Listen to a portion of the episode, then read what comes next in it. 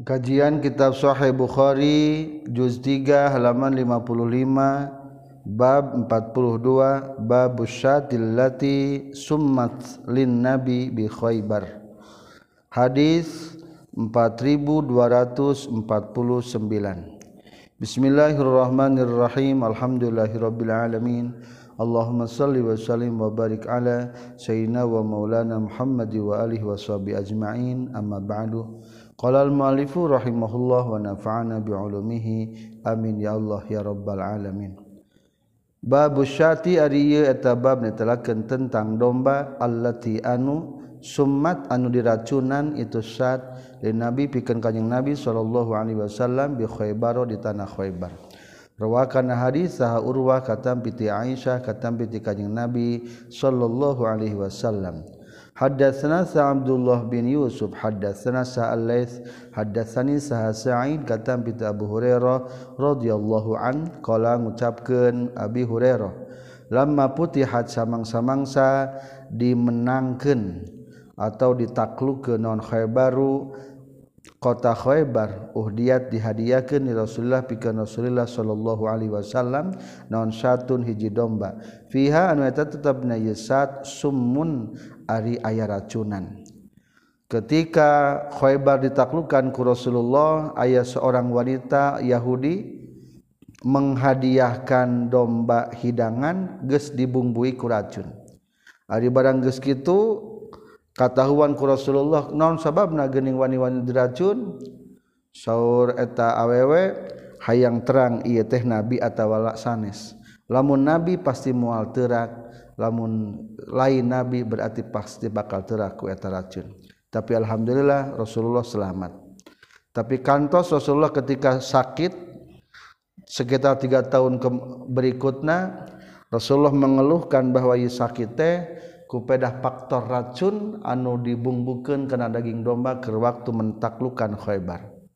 Maka dalam kitab Tibun Nabawi ayat nu memprediksi bahwa Rasulullah kelebutkan karena syahid margi sakit anu diderita menjelang wafat mengeluhkan kepada faktor ngakmam domba anu sudah beberapa tahun dimakan Babu Ghazwati Zaid bin Haritha di bab netelakeun perangna Zaid bin Haritha. Hadatsna Sa Musaddad, hadatsna Yahya bin Sa'id, hadatsna Sufyan bin Sa'id, hadatsna Sa Abdullah bin Dinar katam bi Ibnu Umar radhiyallahu anhuma. Qala nyaurkeun Ibnu Umar, Amarro geus ngangkat pamimpin sa Rasulullah sallallahu alaihi wasallam Usama ka Usama ala qaumin ka hiji kaum-kaum fato'anu tuluy nyacat itu kaum fi imaratina kepemimpinan Usama. Faqala mangka nyaurkeun kanjing Nabi intat unu lamun mah nyacat mencela meraneh kabeh fi imaratina kepemimpinan Usama faqad ta'antum. Tah nyata geus mencela maraneh kabeh fi imarati abih dina kepemimpinan bapakna itu Usama. Min qablih ti samemehna itu Usama. Wa mullahi demi Allah. Ari wallahi mah wau huruf qasam lamun aimullahi mah isim qasam. Wa mullahi demi Allah. Laqad kana yakinnya tagis kabuktosan itu abihi ramana Usama teh khalifan eta anu penggakholikon eta anu patut anu layak nu cakap lil imaroti pikeun jadi pamimpin. Wa in jeung kalakuan jeung tingkah kana eta kabuktosan itu abihi min ahabban nasi eta tinu panglipika cinta manusia ilaya mungguh kaula. Wa inna hadza jeung saestuna ye usama liman eta pikeun jalma ahabba lamin ahabbin ahabbin nasi. eta yakinpang dipika cintana manusia ilaya mungguh kaula ba'dahu sabadana itu abihi. Babu umratil qada ya ribab netelakeun umrah qada Zakaro nyarioskeun hukana umratul qada saanas katampi ti kanjing Nabi sallallahu alaihi wasallam. Hadatsna Sa'baidullah bin Musa katampi ti Israil katampi Abi Ishaq katampi ti Barra radhiyallahu an. Qala nyurkeun Barra la ma'tamara samang-samang sa umrah saan Nabi kanjing Nabi sallallahu alaihi wasallam fi dzilqa'dati dina bulan Dzulqa'dah Faaba tuluy mungpang atau mencegah saha ahlu Makkah ahli Makkah ayyad'u kana yen meninggalkan atau membiarkan itu ahli Mekkah ka kanjing Nabi ya dahulu lebat kanjing Nabi maka tak Mekkah hatta qadha sehingga ngahukuman kanjing Nabi hum ka itu ahli Makkah ala ayyuki mukanayen mukim kanjing Nabi biha di Makkah salah satu ayamin kana tilu pirang-pirang poe. Falamma katabu tuluy samang-samang sanuliskeun para sahabat alkitaba kana surat katabu tah nuliskeun para sahabat haza ma qada alaihi Muhammad Rasulullah Hada ari hukuma eta perkara qada anu geus ngahukuman alih kana ieu ma saha Muhammadun kanjing Nabi Muhammad Rasulullah tegasna anu janten utusan Allah. Qalu ngucapkeun ahli Makkah la nukir rute netepkeun kaula teu mengakui kaula mah.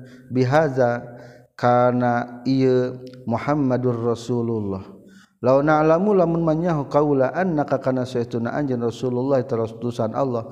Ma mana'na moal nyegah kaula ka ka anjeun sayan kana naon-naon.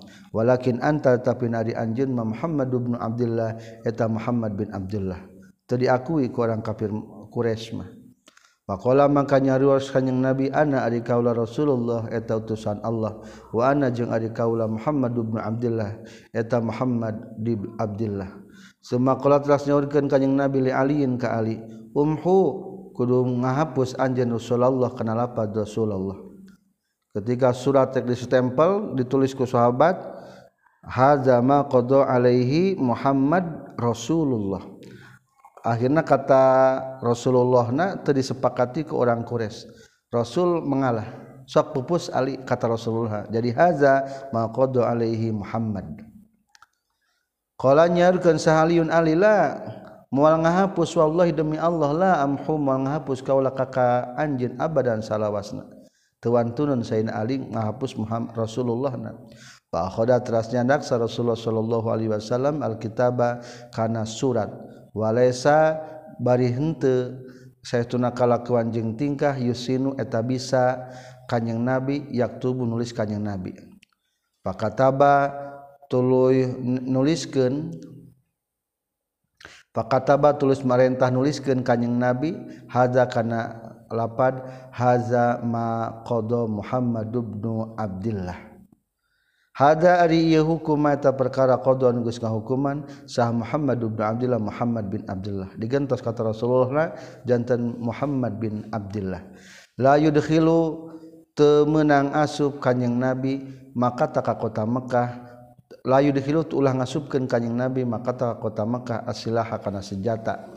Illa sayfa kajaba pedang fil qirabina sarangkana kadua wa alla yakhruja jeung yen ulah kaluar kanjing nabi min ahli hati ahlina itu Makkah biahadin kalawan mawa seseorang. Katilu in arada lamun ngamaksud itu si ahad ayat ba'akana yen nuturkeun itu ahad hu ka kanjing nabi Allah yamna'a jeng yen temenang nyegah kanyeng nabi min asabi ti pirang-pirang sahabat na kanyeng nabi ahadan ka seorang oge. In aro dalam ngamaksud itu ahadan ayyuki maka yen mukim ya si ahad biha di kota Mekah.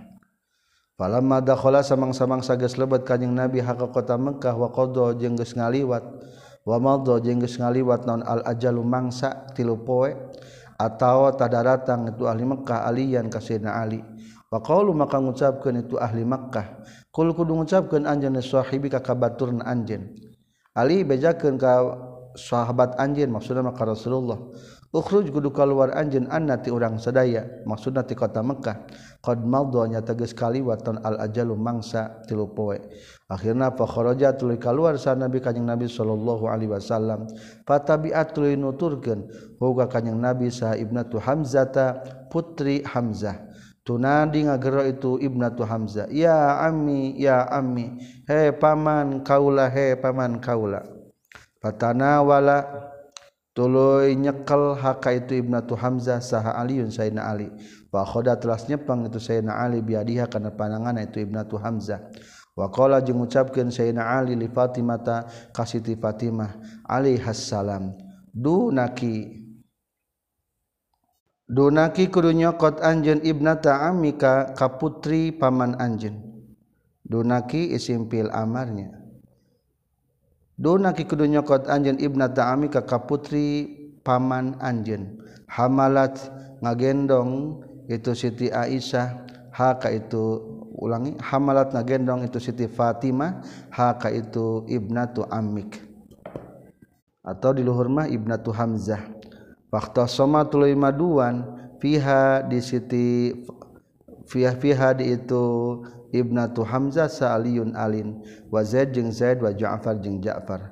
Kala nyaurkeun Sa'aliyun Ali ana ari kaula akhadtu tegasna qad kaula huka itu ibnatu Hamzah. Wahia bari itu ibnatu Hamzah bintu Ami eta putri paman kaula. Wakola juniorkan saja Ja'far Ja'far hiya ari itu ibnatu Hamzah ibnatu Ami eta putri paman kaula. Wakola tuha jeung bibina itu ibnatu Hamzah tahti di bawah kekuasaan kaula. Maksudna jadi bojok kaula. Wakola jeung nyarios Zaidun Zaid ibnatu akhi ari ibnatu Hamzah eta putri dulur kaula. Faqadha teras mutuskeun biha ka itu Ibnatu Hamzah putri Nasaina Hamzah saha Nabi kanjing Nabi sallallahu alaihi wasallam li khalatiha pikeun bibi ti ibuna itu Ibnatu Hamzah. Waqala jeung nyaurkeun kanjing Nabi al khala ari bibi ti ibu bimanzilatil ummi eta samartabat jeung ibu. Wakola jing nyaurkeun ka Kanjeng Nabi li Aliin ka Sayyidina Ali anta ari anjeun minni eta ti kaula wa ana jeung ari kaula ge min ka eta ti anjeun. Wakola jing nyaurkeun ka Kanjeng Nabi li Ja'far ka Ja'far asbah tages nyarupaan anjeun khulqi kana bentuk kaula wa khuluqi jeung pirang-pirang akhlak kaula. Wakola jeung nyaurkeun ka Kanjeng Nabi li Zaid ka Zaid anta ari anjeun akhuna eta dulur urang sadaya wa maulana jeung paperdekaan urang sadaya. Wa qala jeung nyaurkeun sa aliyun ali ala tatazawwaju binta hamzah? Ala tatazawwaju nah nikah anjeun binta hamzah ka putrina hamzah? Qala nyaurkeun kanjing nabi inna sayyiduna bintu hamzah ibnatu akhi eta putri dulur kaula minar radhaati tina sasusu. Berarti temenangnya ketika putri Na Hamzah Sayyidina Hamzah rekiring kam Madinah jeung umat muslim akhirnya berselisih paham Sayyidina Ali hoyong nyandak Zaid pun hoyong nyandak Ja'far pun hoyong nyandak. Soalnya kabeh ge berkaitan ka saudara tapi diputuskan ku Rasul anu paling berhak mah anu aya hubungan darah kabibian ti indungna. Berarti nu berhak adalah Ja'far. Wa qala Ja'far hiya ibnatu ammi wa khalatuha tahti. soalnya Ja'far ngagaduhan istri istrina teh tah bibina eta ibnatu Hamzah. Hadasani Muhammad bin Rafi hadasna saha Suraj hadasna saha Fuleh. Qala nyaurkeun Fuleh kana hadis. Wa hadasani sa Muhammad bin Husain bin Ibrahim hadasani saha Abi hadasna saha Fuleh bin Sulaiman. Katam piti Nafi katam piti Ibnu Umar radhiyallahu anhuma anna Rasulullah sallallahu alaihi wasallam kharaja taqalwar kanjing Nabi mu'tamiran bari niat umrah. Fahala tuluy ngahalangan sakufar Quraisy golongan golok kepar Qures benahu antara kanyeng nabi wa bainal baiti jeung antara Baitullah. Panaharo teras mencit kanyeng nabi hadiahu kana hadiahna kanyeng nabi. Wa halaqo jeung nyukur kanyeng nabi rasahu kana mastakana kanyeng nabi bil Hudaybiyah di tanah Hudaybiyah. Wa qada jeung hukuman kanjing nabi hum ka itu kufar Quraisy ala ayya tamiro kana yen umroh kanjing nabi al amal mukbil di tahun pak payuna walayah mila jeung yen moal nyanda kanjing Nabi selahan kana senjata alaihim menuju ka itu kufar Quraisy. Illa suyufan kajaba kana pirang-pirang pedang. Wala yukima jeung teu mukim kanjing Nabi biha di kota Mekah. Illa ma kajaba kana perkara ahabbu an mika cinta itu kufar Quraisy yaitu selama tiga hari. Pak Antamaro maka umroh kanjing Nabi minal amil mukbil di tahun payuna di tahun harapna padakhola maka lebet kanjing nabi haka kota Mekkah kama kana seperti geus kabuktosan kanjing nabi salaha eta geus akad berdamai kanjing nabi hum ka itu kufar Quraisy. Falamma qamatul samang-samang samukim kanjing nabi biha di Mekkah salasa dina tilu dinten amaru marentahkeun itu kufar Quraisy hu ka kanjing nabi ayakhruja kana yen kaluar kanjing nabi fakhraja maka kaluar kanjing nabi. Ke tahun ketika Hudabiyah sekitar 1400 atau serigat 1300 orang. Di tahun Hudabiyah bermaksud dek umrah ngan di halanan akhirnya bisa masuk ke kota Mekkah berarti kulantaran geus mikot tidul Hulaifah atau ti Bir Ali maka atuh kudu mayar dam namanya dam non ihsor tertahan tidak bisa menyempurnakan haji. Maka berarti kalau mencit domba di Hudaybiyah dicukur bari niat ihram. Bahkan hasil kesepakatan bahwa untuk tahun mah boleh. Dengan syarat hanya tiga hari duduk di kota Mekah. Dan pada tahun berikutnya maka Rasulullah berangkat di Mekah disebut na umrotul kodo sebagai umroh kodo tahun hari tah terjadi di Amul Hudaybiyah Hadatsana Utsman bin Abi Syaibah hadatsana Jarir katam piti Mansur katam piti Mujahid qala Mujahid dakhaltu labat kaula ana tegasna kaula wa Urwatuh bin Zubair al masjida ka masjid. Fa iza tarina nalikana dakhaltu al masjid Abdullah bin Umar ari Abdullah bin Umar radhiyallahu anhuma jalisun tan kercalik ila hujrati Aisyah ka kamarna Siti Aisyah. Sumaqala la teras nyaurkeun itu Urwah bin Zubair. Kami altamaro kam sabaraha itamara atas umrah sa nabi kanjing nabi sallallahu alaihi wasallam. Qala nyorkeun Abdullah bin Umar arbaan kana opat.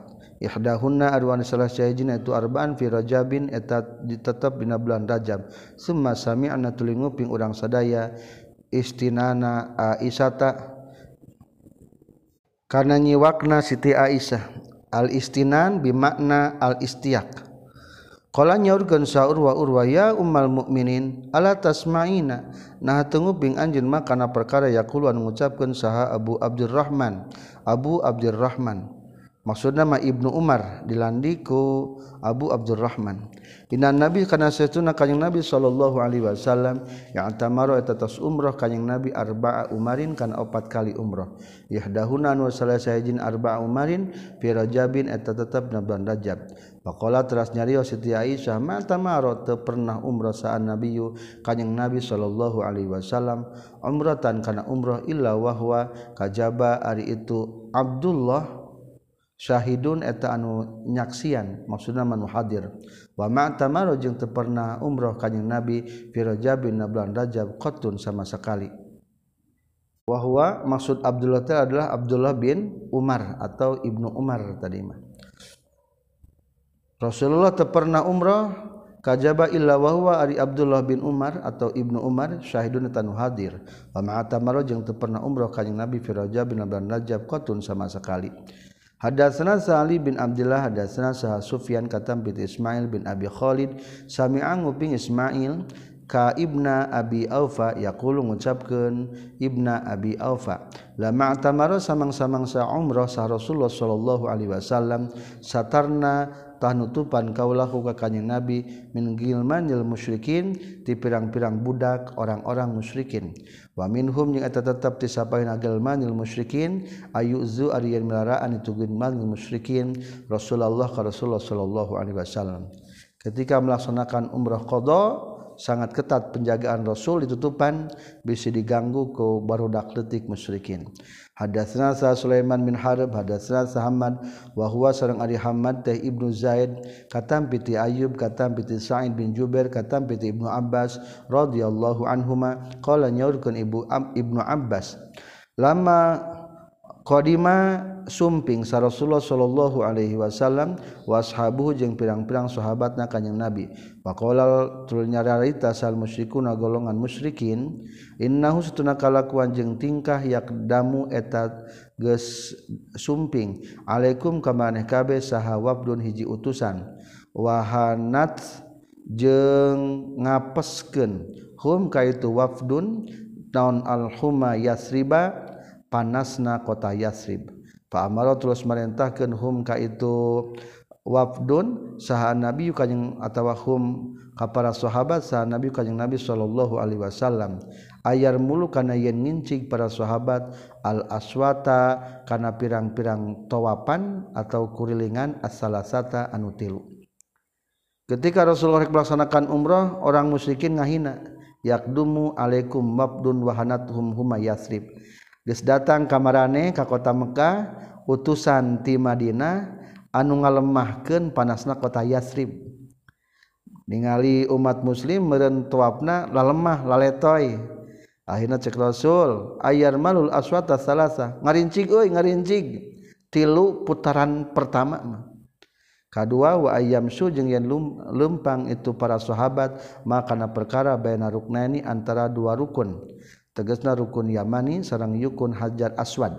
Walam yamna jeung teu marentahkeun hu ka kanjing Nabi naon aya muro yen marentahkeun. Walam yamna jeung teu nyegah hu ka kanjing Nabi naon aya muro yen marentahkeun kanjing Nabi hum ka nas. Ayar mulu kana yen ngincig itu nas al aswato kana pirang-pirang kurilingan atau tawapan kuliah sakabehna tu aswat ilal ibqau kajaba ngawelaskeun alaihim ka para sahabat. Menurut piih nusunnah ngincigma adalah tilu putaran pertama. Berarti empat putaran berikutnya te dianjurkan ngincig sebagai sayang Rasulullah kepada umatnya asal muasal lama kepada tadi golongan musykin ngahina ka umat muslim bahwa gescapeun panasna kota Yasrib. Ditambah ke kota Mekkah atau tambah lulus wazada jeung nambahan Saibnu Salamah katam piti Ayub katam piti Sa'id bin Jubair katam piti Ibnu Abbas. Qala nyaurkeun Ibnu Abbas lama qadima samang-samang sumping sa kanjing Nabi sallallahu alaihi wasallam li amihi pikeun taun nan kanjing Nabi allazi anu istamana anu geus nyuprih keamanan kanjing Nabi. Maksudnya sudah ada jaminan keamanan setelah perang setelah perdamaian Hudaybiyah akhirnya kola nyorkan kanyang nabi irmulu kudu ngincig maraneh kabeh liuria supaya ningalikan kanyang nabi al musyrikin ka golongan musyrikin kuwatahum kana kekuatan para sahabat. Wal musyrikuna bari ari golongan musyrikin min kabali kue kian eta tiarah gunung kue kian. Tiga putaran pertama dina tawaf dianjurkan ngincig supaya memperlihatkan bahwa mukmin masih kuat untuk melaksanakan tawaf. Hadatsani Muhammad katam bi Sufyan bin Uyainah katam bi Amr katam bi Atha katam bi Ibnu Abbas radhiyallahu anhuma qala nyorkeun Ibnu Abbas inna ma sa'a pastina sa lempang gancang. Saha nabi kanjing nabi sallallahu alaihi wasallam bil baiti di Baitullah wa baina Safa jeung antara Safa wal Marwa jeung Marwa liuria supaya pikeun yang ningalikeun kanjing nabi al musyrikin kalau golongan musyrikin kuwatahu kada kekuatan kanjing nabi. Nu disunatkeun ngincik teh hiji putar tiga putaran pertama ketika tawaf. Kedua antara dua palhejo disebutna mailaini ah ahdoreni eta surat ngincik. Setiap putaran. Hadatsana Musa bin Ismail hadatsana Wahib qala nyurkeun Wahib hadatsana Ayyub katam piti Ikrimah katam piti Ibnu Abbas radhiyallahu anhuma qala nyurkeun Ibnu Abbas. Tazawwaja tos nikah sa Nabi kanjing Nabi sallallahu alaihi wasallam. Maimunah takasih teh Maimunah. Wa huwa bari ari kanjing Nabi muhrimun eta anu keur ihram. wabana jeung ngajima kanyeng nabi biha kasiti maimunah wahwa bari ari kanyeng nabi na halalun eta anu halal. Wa matat jeung maot itu Sayyidah Maimunah bisarofin di tanah Sarok bisarifa di tanah Sarifa. Nyaurkan sahabu Abdulillah wazada Gus nambahan sa Ibnu Ishaq hadatsani sa Ibnu Abi Najih sareng Abban bin Shalih katam piti Atha katam piti Mujahid katam piti Ibnu Abbas. Qala nyaurkeun Ibnu Abbas tazawaja tos nikah sa Nabi sallallahu alaihi wasallam Maimunah takasih teh Maimunah fi umratil qada dina waktu umrah qada. Babu gazwati Mautata min ardi Syam Aritababken gozwati muktahta perang muktah min ardi Sam di tanah Sam. Hadatsana Ahmad hadatsana Ibnu Wahab katam piti Amr katam piti Ibnu Abi Hilal qala nyurkeun Ibnu Abi Hilal. Wa akhbara jeung ngabejakeun ka kaula saha Nafi kana saestuna Ibnu Umar akhbara ngabejakeun Ibnu Umar khu kanafi. Anau kana saestuna Ibnu Umar waqafa eta ningali itu Ibnu Umar ala Ja'far ka Ja'far yauma izin dina waktu harita. Ghazwatu Mu'tah waktu keur perang Mu'tah. Wa huwa bari ari itu Ja'far qatilun anu terbunuh. Fa adadtu maka geus ngitung kaula bihi ka Ja'far khamsina kana 50 baina ta'natin antara tusukan wa darbatin jeung tenggelan. Ternyata lukana Ja'far cukup parah sampai ditemukan 50 luka dengan tusukan dan pukulan pedang hantaman pedang. Walaisa laisa nu teu aya minha eta tetep tina sapalihna ta'nah wa darbah syai'un hiji perkara fi duburi da duburna itu Ja'far. Yakni ngamaksud itu Nafi' eh ulangi yakni ngamaksud itu Ibnu Umar fi zahrihi dina tonggongna itu Ja'far. Tapi tidak ada ditemukan na tonggongna mah. Maksud dubur teh. Akhbarona saha Ahmad bin Abi Bakar hadatsna saha Mughirah bin Abdurrahman katam piti Abdullah bin Sa'an katam piti Nafi' katam piti Abdullah bin Umar radhiyallahu anhuma. Qala nyaurkeun Abdullah bin Umar Amarro ngangkat pemimpin sa Rasulullah sallallahu alaihi wasallam fi ghazwati Mu'tah dina waktu perang Mu'tah ka Zaid bin Harisah. Faqala mangka nyaurkeun sa Rasulullah sallallahu alaihi wasallam in kutila lamun terbunuh sa Zaid bin Zaid fa Ja'farun tah eta komandan perangna Ja'far. Wa in kutila jeung lamun mah terbunuh sa Ja'far Ja'far fa Abdullah bin Rawaha tah eta komandan perangna Abdullah bin Rawaha Kala nyaurkeun sa Abdullah Abdullah bin Umar, kuntu kabuktian kaula fihim eta tetep di kaum-kaum fitil kalgozwati na waktu itu perang. Abdullah bin Umar hadir pada waktu perang Mu'tah. Faltamas natulunyangan urang sedaya Ja'far bin Abi Thalib ka Ja'far bin Abi Thalib fawajadna tras mendakan urang sedaya fil qatla hu ka itu Ja'far bin Abdul Qalb Abdul Muthalib fil qatla dina golongan anu terbunuh. Jadi ngantunkeun. Wa wajadna jeung mendakan kaulama kana perkara fi jasadihi anu tetep dina jasadna Ja'far bin Abi Thalib bid'an kana lebih watisina jeung 80 bid'an terkadang diartikeun tilu terkadang diartikeun tujuh terkadang diartikeun lebih. bid'an kana tilu wati sina jeung 80 80 tilu ieu mah nya mintonatin nyatana tina tusukan tojosan warum yatin jeung panahan. Menurut hadis ieu mah 93 luka na Ja'far. Tadi mah 50 luka. Hadatsana Ahmad bin Waqid hadatsana Hamad bin Zaid katam piti Ayub katam piti Humaid bin Hilal katam piti Anas radhiyallahu an. Kana saytuna kanjing Nabi sallallahu alaihi wasallam naa eta ngumumkeun kematian. Maksudna mengabaritakeun kematian Zaidan ka Zaid. Zaid bin Harisah wafat. wa Ja'farun jeung ka Ja'far. Ja'far pun wafat. Wa Ibnu Rawaha Ibnu Rawaha pun wafat. Linasi ka jalma-jalma qabla ayyatia samayan datang hum kan nas non khabaruhum berita anu tilu Zaid Ja'far jeung Ibnu Rawaha. Pakola maka nyaurkan kanyang Nabi akhoda nyekel arroya takana bendera atau panji perang saha Zaidun Zaid. fausiba tuluy di mautan di musibatan itu Zaid summa khoda teras nyandak sahaja Ja'far Ja'far. Fausiba tuluy di musibatan atau di mautan itu Ja'far summa khoda teras nyandak deui saha Ibnu Rawaha. Wa usiba jeung tuluy di musibatan deui Ibnu Rawaha ge. Wa ainahu bari aya dua swacana kanjing Nabi tazrifani eta ngocor dua nana itu aina.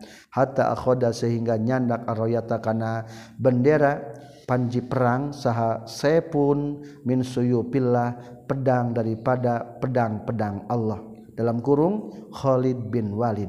Hatta fataha sehingga mereka kemenangan Allah Gusti Allah alaihim kepada sahabat. Ketika panji perang dipegang oleh Khalid bin Walid maka menanglah perang di Mu'tah.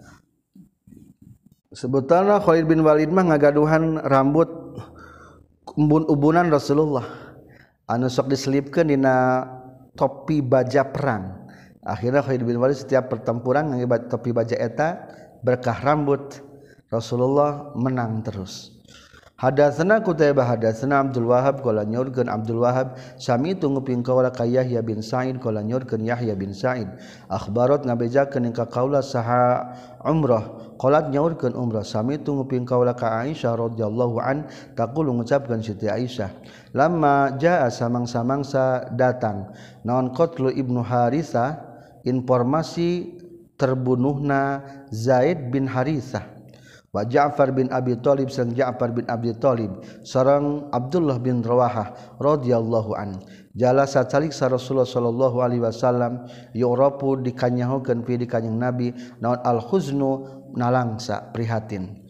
Qalat nyaurkeun sa Aisyah tu Siti Aisyah wa ana jeung kabuktian kaula at-taliu eta ningali kaula min sairil babi tina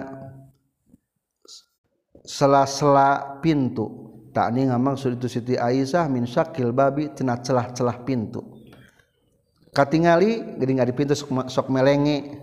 Katingali Rasulullah kermurung tersedih ternyata tiga syuhada pemimpin perang Mu'tah terbunuh.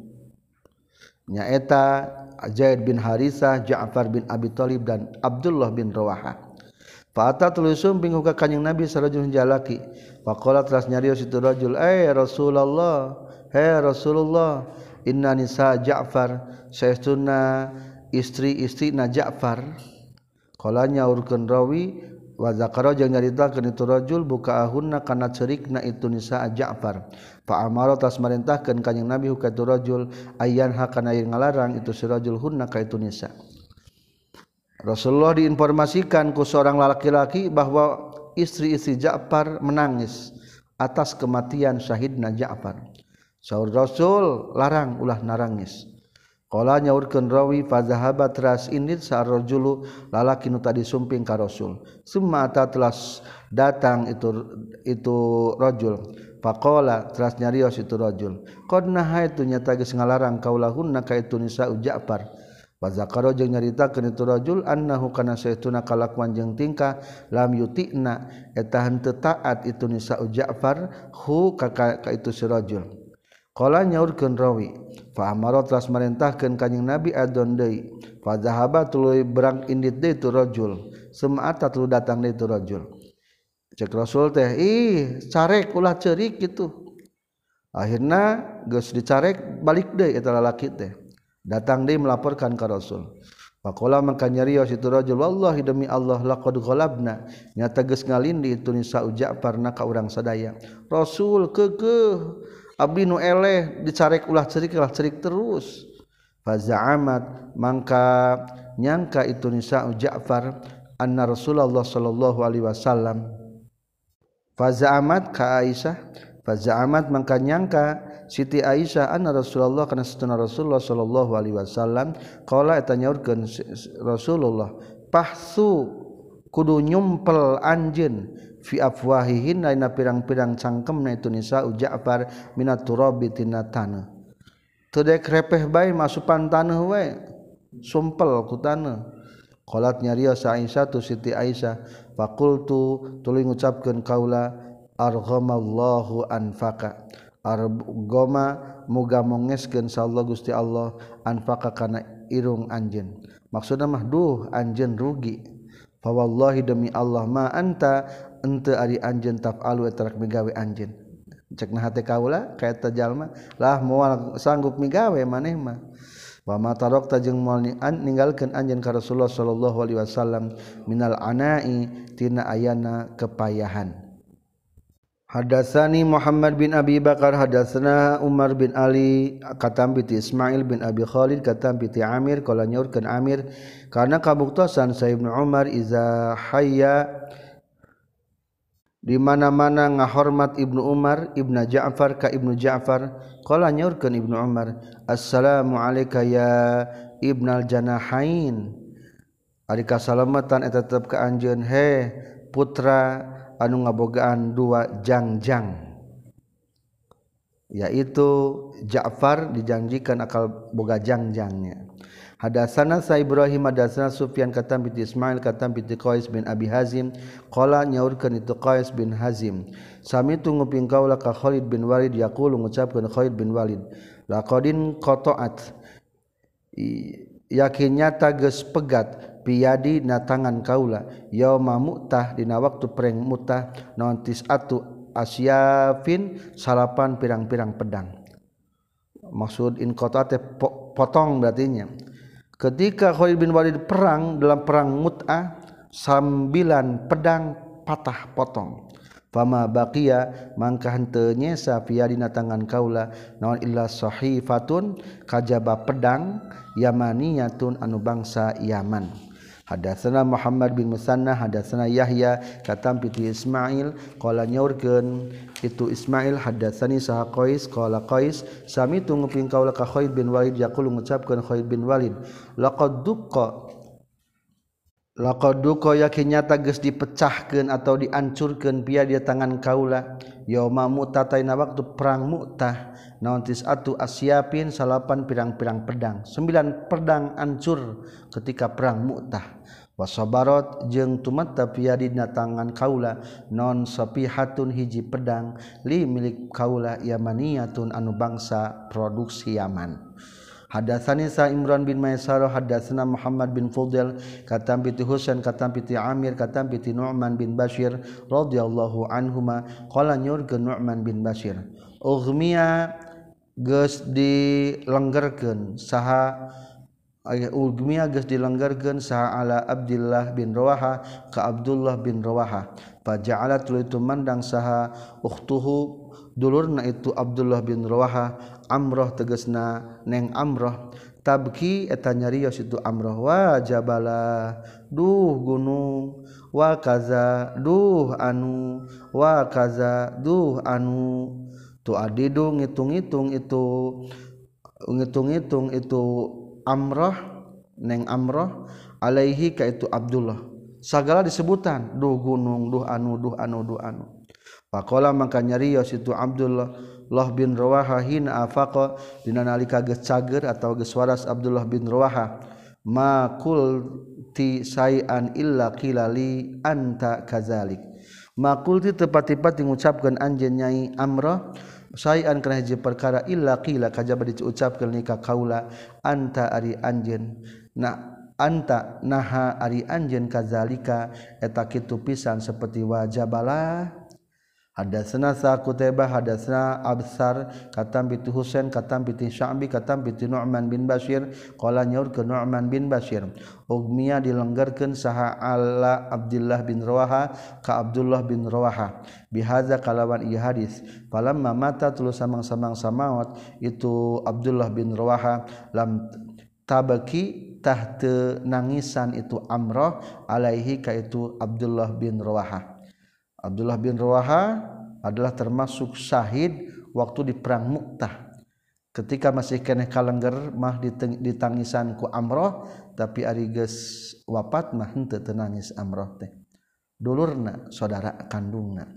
Babu balsin nabi ari bab netelakeun ngutus ngutusna kanjing nabi sallallahu alaihi wasallam Usama bin Zaid ka Usamah bin Zaid ilal huraqat ka da daerah Iran min Juhainah ti qabilah Juhainah. Rasulullah mengutus Usamah bin Said ka Huraqat. Hadatsani Sah Amr bin Muhammad hadatsana Husaim akhbarana Husain akhbarana Sahabu Zobyan. Qala nyaurkeun Abu Zobyan sami tunguping kaula ka Usamah bin Zaid radhiyallahu anhuma. Yaqulu ngucapkeun Usamah bin Zaid ba'atsa geus ngutusna ka urang sadaya sa Rasulullah sallallahu alaihi wasallam ilal huraqat ka desa Huraqat. Pasobahna tuluy isuk-isuk urang sadaya al qauma geus aya di kaum-kaum. pahazamna mangka ngancurkeun urang sadaya hum kaitu alqaum. Walahiktu jeung nyusul kaula ana tegasna kaula warajulun hijalaki minal ansori ti sahabat ansor rajulan kahjalaki minhum ti itu alqaum. Falamma ghasyaina tuluy samang-samangsa geus ngalumpuhkeun kami hukaitu rajul qala ngucapkeun tu rajul la ilaha illallah. Ayah seorang laki-laki di Horokot di Udag ku Usamah bin Zaid ari geus rek beunang kalah ngucapkeun syahadat. Pakfatras nyegah sal ansori sahabat ansor patoantu tulu nojos kaula hu ka itu sirojulan minhum birumhiku tombak kaula hatta kotal tu singa ngabunah kaula hu ka itu rojul. Ariku sahabat ansor mah dicegah tetulus dibunuh dak la ilaha illallah.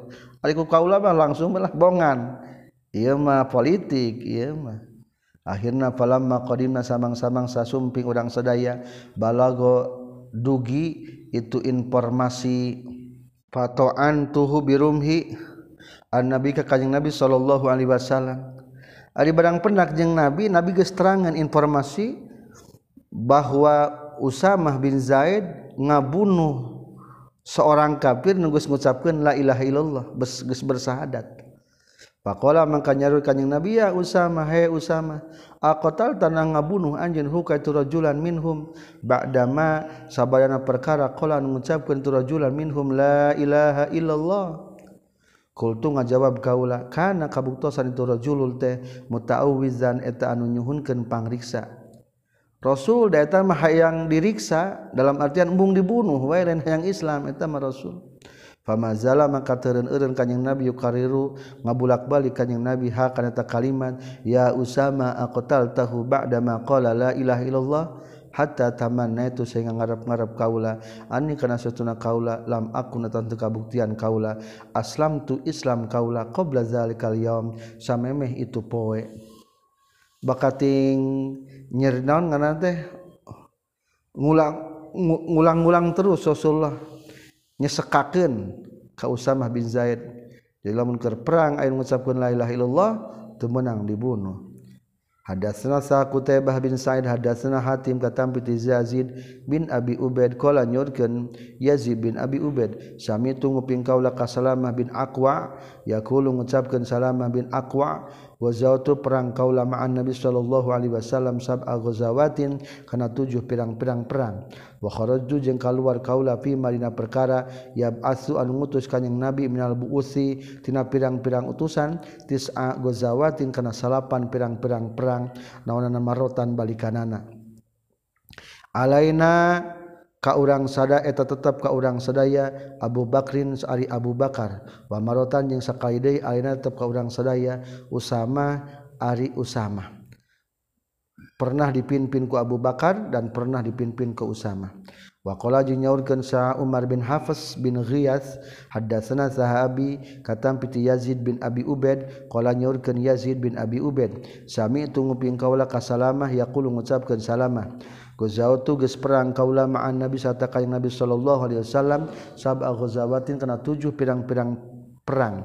Wa kharajtu jeung geus pernah kaluar kaula fi baina perkara yab'atsu anu ngutus kanjing Nabi minal ba'si tina utusan tis agazawatin kana salapan pirang-pirang perang. Naonana marrotan balikna. Alaina tetep mimpin ka urang sadaya Abu Bakrin ari Abu Bakar. Wa marrotan jeung sakali deui um, Usama tu ari mimpin ka urang sadaya Usama. Hadatsana Sahabu Asim Ad-Dhahak bin Makhlad hadatsana Sa Yazid bin Abi Ubaid katam bi Salamah bin Aqwa radhiyallahu an.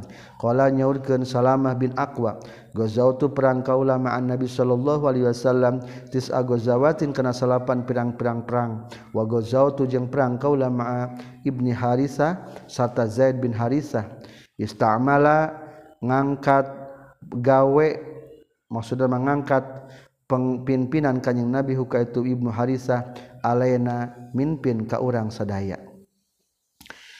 Hadasana Muhammad bin Abdullah hadasana Muhammad bin Mas'adah katam piti Yazid bin Abi Ubaid katam piti Salamah bin Aqwa qala nyorkeun Salamah. Gozautu perang kaula ma'an Nabi sallallahu alaihi wasallam sab'a gozawatin kana tujuh pirang-pirang perangan. Fazakara teras nyaritakeun itu Salamah bin Aqwa Khaybar kana perang Khaybar wal Hudaybiyah perang Hudaybiyah wa yaum Hunain perang Hunain wa yaum Qarad perang di Qarad Wakola jeung nyaurkeun saha Yazid Yazid wa nasitu jeung geus poho deui kaula baqiyatahum kana sasana itu gozawat. Babu ghazwatil fathi ari bab perang putuh Mekah atau pembebasan kota Mekah. Wa ma ba'atsa jeung teu ngutus bihi kana ieu mah saha Hatib bin Abi Balta'ah ila ahli Makkah ka ahli Makkah. Eh ulangi wa ma jeung ngajelaskeun perkara ba'atsa nu ngutus bihi kana ieu mah saha Hatib bin Abi Balta ila ahli Makkah ka ahli Makkah. Yukhbiru ngabejakeun Hatib bin Abi Balta'ah hum ka ahli Makkah bi ghazwin Nabi kana rek merangan kanjing Nabi sallallahu alaihi wasallam. Menjelaskan perang Fat al-Fath atau Putuh Mekah pembebasan kota Mekah Hadatsana sa Qutaibah bin Sa'id hadatsana Sufyan katam piti Amr bin Dinar qala Amr bin Dinar akhbarani Sa'al Hasan bin Muhammad annahu saytuna Hasan bin Muhammad sami'a tangu ping Hasan bin Muhammad ku Ubaidillah bin Abi Rafi' yaqulu ngucapkeun Ubaidillah bin Abi Rafi' sami tungu ping kaula ka Ali radhiyallahu an yaqulu ngucapkeun Sayyidina Ali bahasa geus ngutus ni ka kaula Rasulullah sallallahu alaihi wasallam ana tegasna kaula wa Zubair jeung Zubair wal Miqdad jeung Miqdad berarti Ali Zubair dan Mikdad diutus oleh Rasul. Pakola maka nyarios kanyang Nabi intoliku kudu indit meraneh kabeh hatta ta'tu sehingga datang meraneh kabeh raudata kho kana kebon khoh ngaran. Khoh teh aya di buah-buah khohnya fa inna biha mangka saestuna tetap di itu raudh khoh zainatan ari aya awewe atau awewe dina sukduk onta. Jadi doaina imro'atun fi haudaj wanita nu ayana sukduk onta. Namina adalah sarah. Ma'aha eta tetap sartana zaina kitabun ari aya surat. Fakhudu kudu nyokot maraneh kabe min hati tu zaina Hei Zubair, Mikdad, Ali, coba tuh ke kebon kho, ada seorang wanita wanita bawa surat, ambil dan tangkap. Kala nyarios itu Sayyidina Ali pantolakna tuluy indit urang sadaya ta'ada. lumpat bina mawa urang sedaya nonkhoeluna kuda-kuda urang sedaya hatta ataina sehingga datang urang sedaya arrodota kana kebon khoh tadi. Faiza tahdina nalikana ataina nahnu ari urang sedaya bizainah eta pendak jeung awewe dina sukduk onta. Kulna ngucapkeun kaulalaha ka itu zainah akhriji kudu ngaluarkeun anjeun alkitab kana surat. kolat nyarita itu sidaina ma ma iya kitabun ma ma iya teu aya eta tetap sartana kaula kitabun ari kitab.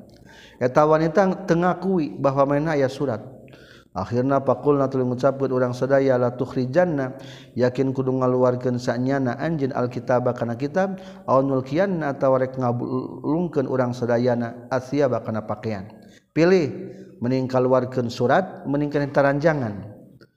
Kala nyaurkeun Sayyidina Ali fa akhraja tuluy ngaluarkeun itu si Zaina hu kana itu alkitab. Min iqasiha tin tina untunan itu si imroah. Si urang nama tina gelungna tina rambut-rambutna ternyata ayat surat disumputkeun fa atena tuluy datang urang sadaya mi bihi mawa itu kitab mama surat ka Rasulullah sallallahu alaihi wasallam. Fa idzan taha dina nalikana itu ataina bihi fihi tetepna ya kitab min Hatib bin Abi Baltaah ari aya lapan min Hatib Abi Baltaah. Tertulis di didinya ya surat min Hatib bin Abi Baltaah. Hatib adalah umat muslim di ayun ayat di Madinah. Kamana tu jenata surat? Ila nasin kajal majalma bi Makkah tadi kurang Mekah minal musyrikin ati golongan musyrikin. ybiru ngabejakan hati bin Abi Baltaahhum ka itu musyrikin atawa nasin bimakah minal musyrikin bibadi amri Rasulillah karena sebagian urusan Rasulullah Shallallahu Alaihi Wasallam. Ternyata dibocorkan ku hatib. Rencana Rasul rekam kahtin Pakola telah nyari Rasulullah Shallallahu Alaihi Wasallam ya hatib he hatib mahaza ari naon eta ieu teh? ma ari naon hadza eta ieu surat teh qala nyarios itu hati biar Rasulullah la ta'jal ulah kegancangan anjeun alaya ka kaula. Ini satuna kaula kuntu eta kabuktian kaula. Imro'an eta jalmi mulsaqon mulsaqon anu boga pertalian fi Quraisyin di golongan Quraisy. Yaqulu ngucapkeun itu hati bin Abi Balta'ah kuntu kabuktian kaula halifan eta anu sumpah saduluran. atau bersahabat. Anu nyobat walam akun yang tukabuktian kaula min anfusihati pirang-pirang diri-diri kures. Ari kaula teh bukan orang kures tapi hanya bersahabat membangun hubungan yang baik dengan orang kures. wakana jeung kabuktosan samanjallma maakan tetap sartana anjen minal muhajirina di golongan muhajirin man teges najallma lahum tetap pikeun ieu man qarabatun ari ngagedauhan kerabat-kerabat. Yahmun anu ngariksa itu qarabat ahlihim ka ahlina ieu imam wa amwalahum jeung pirang-pirang hartana ieu iman pahbab tu maka mika cinta kaula. Izpata di mana-mana lepot nikah kaula non dalika itu qarabatun minan nasabi tinasab fihim eta tetap di tukures anitakhida kana yen nyieun an attakhida kana yen nyieun kaula indahum saningana itu kures yadan kana nikmat. Yahmun anu ngariksa itu kures qarabati kana kerabat kaula. walam apal jeung teu bisa ngalakukeun kaula hu kana itu anitakhida indahum yaddan irtidadan baina murtad an dinitin agama kaula. Wala ridon jeung henteu ridho bil kufri kana kakupuran badal islami sabadana islam. Rasul ari pang ngirimkeun surat teh ai rasul mah golongan muhajirin di Mekkah teh masih kana aya saudara senasab. nyata suku-suku kuras ari kaulama jangan jaga harta kaula di kuras teh teu boga. Berarti hayang ngajaga teh kudu membikin hubungan bagus jeung orang-orang kures. Pakola makanya Rasulullah Shallallahu Alaihi Wasallam innahu sesuna hati bin Abi Baltah qad sodako etanya geus bener tuh habin hati bin Abi Baltah kum kamaraneh kabeh. Pakola makanya Sa Umar Umar ya Rasulullah dak meninggalkan anj nikah kaula biarkanlah aku adri break nenggel kaula un ko hadal munafik karena beheng na orang munafik. Jebut gitunya Umarmah Pakkola maka nyeraskan yang nabi inna tuna itu hati bin Abi Balta q syahida. Nyata gesnyaksian itu hati bin Abi Baltaah badron karena perang badar. Ulah hati bin Abi Balta sebagai peserta perang badar. Anu sudah ada jaminan kemuliaan di hadapan Allah wama yudrika wama jeung ari naon perkara yudri anu merenyaho itu maka ka anjeun la'allallaha bua-bua Allah attala'a eta ningalikeun Allah alaman ka jalma syahida anu nyaksian atau anu hadir ieu man badran kana perang badar qala nyaurkeun Allah taala Ya'malu kudu migawe maraneh kabeh makana perkara syitu manu karep maraneh kabeh. Faqad ghafartu nyata geus ngampura kawalakum maraneh kabeh.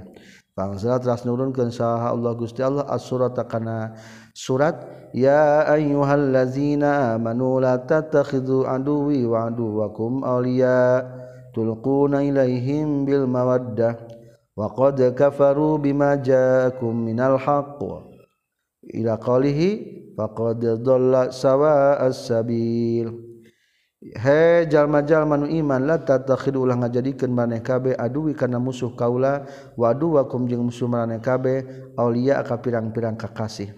Tulkuna anu nibakeun maneh kabeh ilaihim ka itu aduwi wa aduwakum bil mawaddati kana asih-asihan. Wa qad kafaru jeung nyata geus kufur ya aduwi aduwakum berarti di antara pesan melarang ka hati bin balta'a jangan membangun hubungan kecintaan dengan orang kafir Quraisy.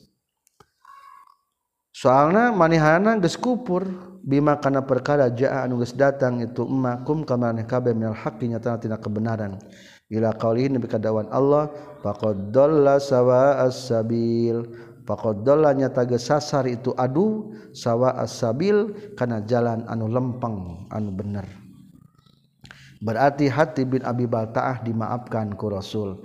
Ngan tisemetarita ulah ayah hubungan kecintaan dengan orang kafir. Alhamdulillah selesai hadis 4274 Subhanaka Allahumma bihamdika asyhadu an la ilaha illa anta astaghfiruka wa atubu ilaik